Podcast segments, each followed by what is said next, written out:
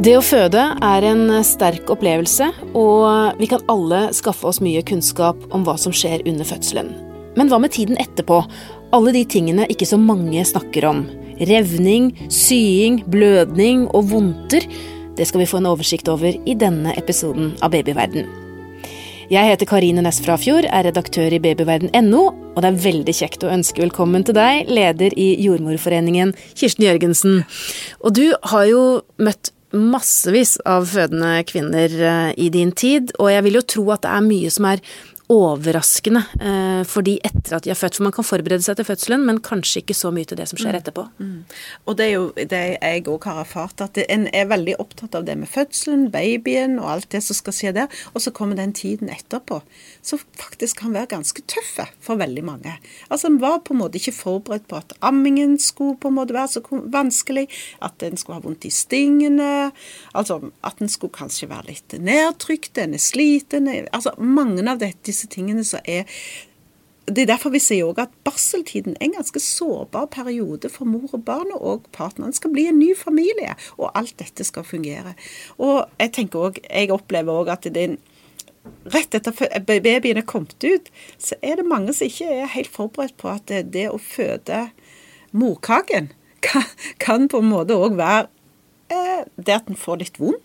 Og hvorfor får jeg vondt nå? Når babyen er jo ute. Jeg kan få litt sånn etteris, som vi kaller det, idet morkaken kommer ut. En kan få litt ekstra blødning. Dette er en gjerne ikke forberedt på. Eh, og så, hva er morkaken? Og det bruker jeg å si, den bør dere se. For den, det er et fantastisk hus. Det er livets hus. Det er, det huset, det er den som har på en måte gitt babyen næring i ni måneder. Og det, det, er jo derfor vi har det symbolet livets tre i Jordmorforeningen, og jordmødre i Skandinavia. Det er jo fordi at hvis du ser på morkaken, så er, er det masse årer som formes som et tre. Og inni der ligger babyen. inni inni denne posen. Er, er kvinner nysgjerrige på den, føler du, eller? På noen på morkaka? Jeg, jeg, jeg, tror ikke de har tenkt på det. Derfor så bruker jeg alltid å spør de, vil dere se morkaken. Og da sier de aller fleste ja. Det fikk jeg ikke. Og hvis de har født før, det fikk jeg ikke sist gang. Og jeg syns det er så fantastisk å vise dem, for det er, det er, et fantastisk organ. Jeg kom til å tenke på en artikkel vi har på Babyverden om, eh, om noen som faktisk uh, tørker og, og, spiser morkaka. Andre igjen, uh, har jeg lest, graver den ned i hagen sin. Er, er, det noen som gjør det i Norge? Jeg tror det, det er veldig sjelden i Norge. Jeg vet at det gjøres en del plasser i USA, da, men, og det, morkaken er jo et organ med masse, masse næring.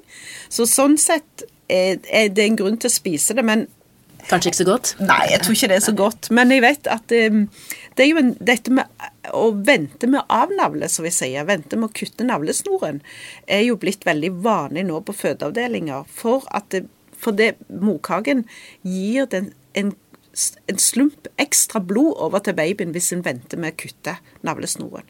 Eh, og for en del, i en del miljøer, jeg har også hørt om det i Norge, så venter en så lar en morkaken ligge i et lite kar ved siden av, kanskje litt isvann, til egentlig den slipper taket sjøl, altså råtner opp sjøl. Og det kan gå mange, mange dager. Men eh, det er ikke akkurat så veldig mye å anbefale, vil jeg si. Jeg, jeg, tror heller vi skal gjøre sånn som vi gjør på fødeavdelingen. Vi venter med å avnavle til dess pulsasjonen er over, og det tror jeg er veldig, veldig bra. Heldigvis i dag. Og et, etter at man har født morkaka og avnavlet, så er det jo ofte at man må sy noen sting. Hvor mm. vanlig er det? Altså, jeg, jeg tenker at vi i dag så syr vi mye, mye mindre enn vi gjorde før i tiden. Jeg husker jo at de satt på sånne luftputer og mm, sånne, altså sånne ja, puter for de hadde så mye vonde sting, og det var En klipte jo mye mer og sånne ting. I dag er det mye mer skånsomme rifter. Det er kanskje et par sting. Eh, men det må en kanskje gjøre i dag òg, hos noen. Ikke alle. Mange trenger ikke på en måte å sy noen ting. Men det som jeg opplever da, det er at det, en del kvinner er kanskje ikke helt forberedt på at det gjør vondt å sy. Eh, selv om vi gir eh, litt bedøvelse, vi gir alltid bedøvelse, både i form av spray, men vi kan òg gi eh, sprøyte med bedøvelse. Og noen puster litt lystgass. Vi prøver jo, men det kan allikevel være litt ubehagelig.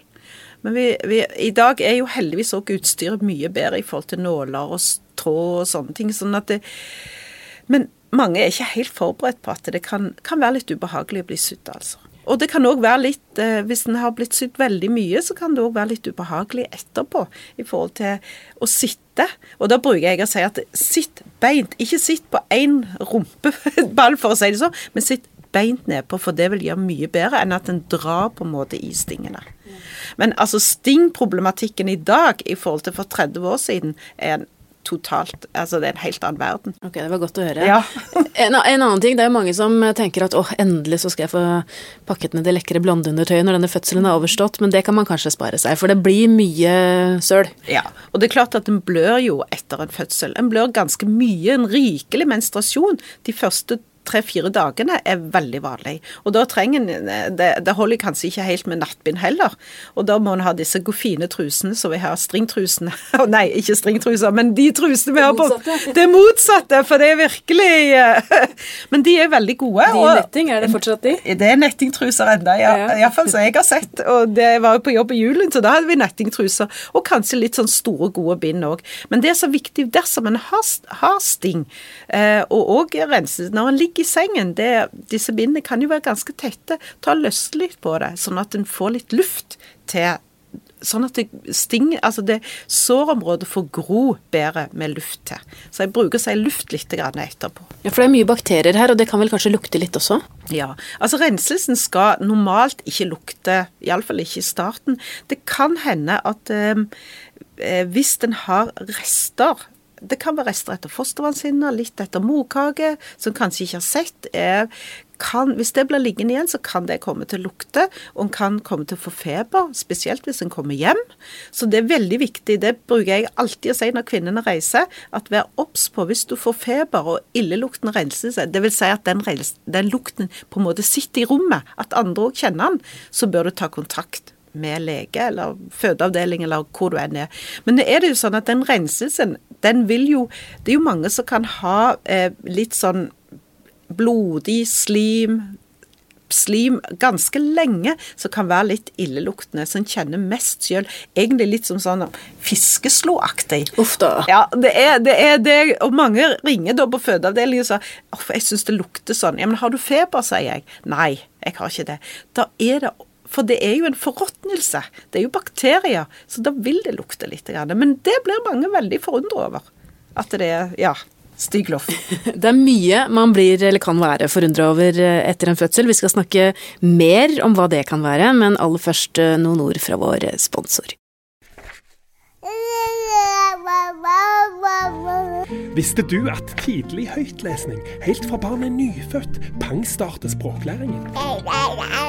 Barn og babyer som blir lest for, utvikler språk og hjerne på en annen måte enn barn som ikke blir lest for. Godboken er bokklubben som tilbyr barnet ditt riktig bok til riktig tid, som engasjerer og bidrar til språkutviklingen. Se første bokpakke til barnet ditt på godboken.no. En annen ting som eh, mange kanskje tar for gitt etter en fødsel, er jo at man skal komme greit i gang eh, med ammingen. Men det trenger ikke å være så enkelt, det heller. Og Dette er jo noe av det som bekymrer meg i dag, når sykehusene stadig sender eh, kvinnene tidligere og tidligere hjem fra sykehus til en, en, tenk, kommune jordmortjeneste som på en måte ikke er oppe og går, at det er ikke nok. For det jeg opplever når jeg ser de er på fødeavdelingen, de trenger veldig mye hjelp til å få ammingen i gang. Både i forhold til teknikk, altså støtt, altså hvordan en legger babyen til brystet, dette med å få melken i gang. Det tar jo ofte en to-tre dager før melken er ordentlig i gang. Og er det noe folk vet, eller kvinner vet? Eller er det sånn man tenker at man har fått barnet, da bør vel melken være der også? Jeg opplever at mange unge kvinner i dag er uforberedt på at det faktisk er en jobb å lære seg å amme barnet sitt. Det er en jobb å få melken i gang, og det er en del mye stress og engstelse omkring det. Får babyen nok melk? Sug? Hvorfor skriker han nå? Altså sånn, hva, hva er nok, og hva går, går, babyen opp i vekt? Vi bruker så mye tid til å gi god veiledning, støtte, oppmuntring på barselavdelingene. Og hvis en da tenker seg at de skal reise ut en fem-seks timer etter en fødsel, da er jo ikke de har på en måte knapt lagt babyen til brystet. For det vi vet òg, at de første time, først er de veldig sugevillige de første to timene. Og så kan babyene etter et par timer eh, bli veldig trøtte etter en fødsel, de er kanskje ikke så sugevillige da det første døgnet, før de begynner å bli sultne. Og da er jo disse hjemme. Hvem skal på en måte hjelpe deg? Og Det er derfor jeg sier det er så viktig at når en på en måte senker liggetiden på sykehus, så må det være en forsvarlig barselomsorg ute i kommunene. Det må være jordmødre og helsesøstre, spesielt jordmødre den første tiden, som kan på en måte hjelpe kvinnene til å få tammingen. For det er viktig. Mm. Og òg at babyene får den eh, den melk, melken de skal ha den første tiden. Og det er klart Vi bruker jo å råde de til se på bleiene, er det tissebleier, tissen godt? Eh, er det um, barnebek? Har den skift... Altså, den første avføringen er jo veldig, veldig svart. Og når, når, babyen begynner å få melk i seg, at mor har nok melk, så vil den forandre farge. Så når, det, når den forandrer farge, er alltid et godt tegn. Så, så, her er det jo dette Men dette bruker jo vi vel Nå ligger jo kvinnene sånn gjennomsnittlig i 2,6 døgn på sykehus, iallfall 48 timer.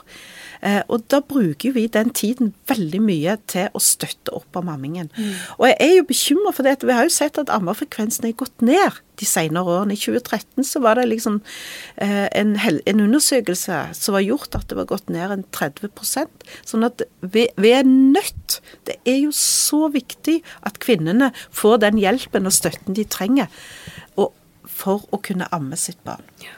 Og det med amming, det tror jeg vi må lage egne programmer på, for der er det mye, mye å snakke om, helt klart.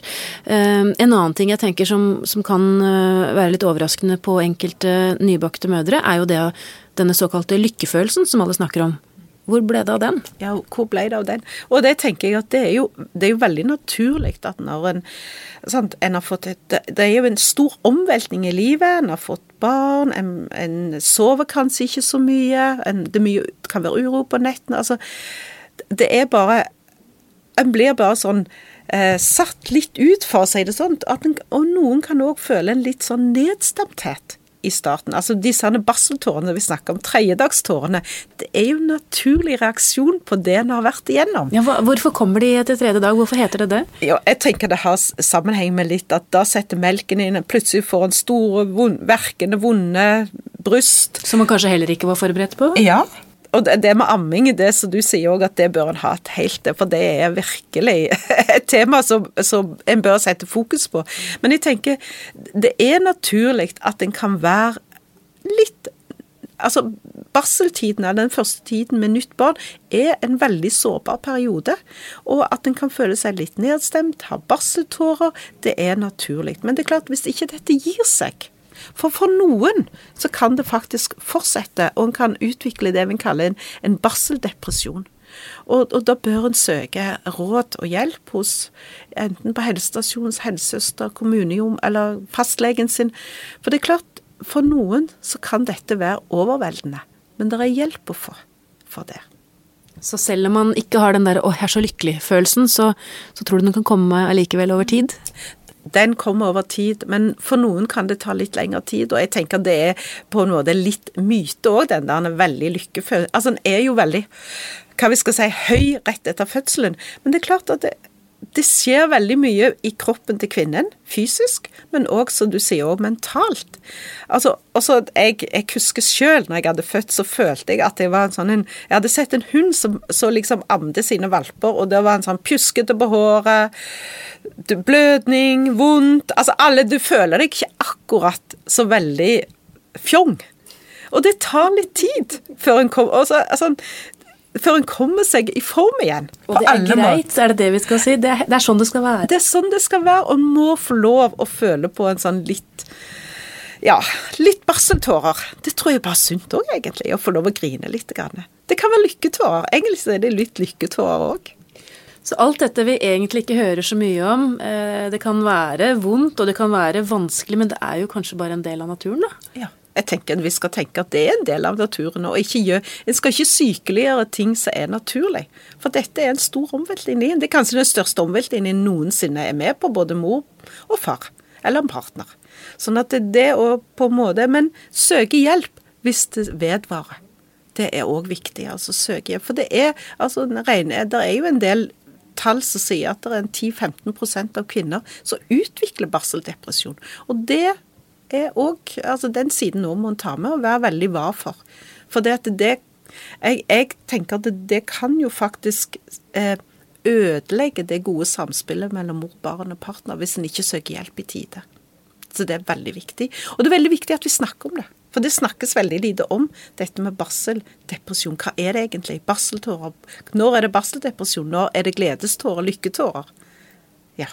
Det er òg et eget tema. Og det skal vi ta tak i. Tusen takk skal du ha for at du kom, Kirsten Jørgensen, leder i Jordmorforeningen. Hvis du lurer på mer om dette temaet, finner du mange artikler på babyverden.no og diskusjoner med andre foreldre i Babyverdens diskusjonsforum. Last også ned appen vår, Gravid og barn, så har du informasjon om både graviditet og barnet ditt rett på telefonen. Har du spørsmål eller kommentarer, kan du sende en e-post til podkast babyverden.no. Men husk, vi er journalister, ikke helsepersonell, så hvis du har medisinske spørsmål, må du ta kontakt med jordmor eller fastlegen din. Takk for at du hørte på Babyverden. Alt godt til vi høres igjen.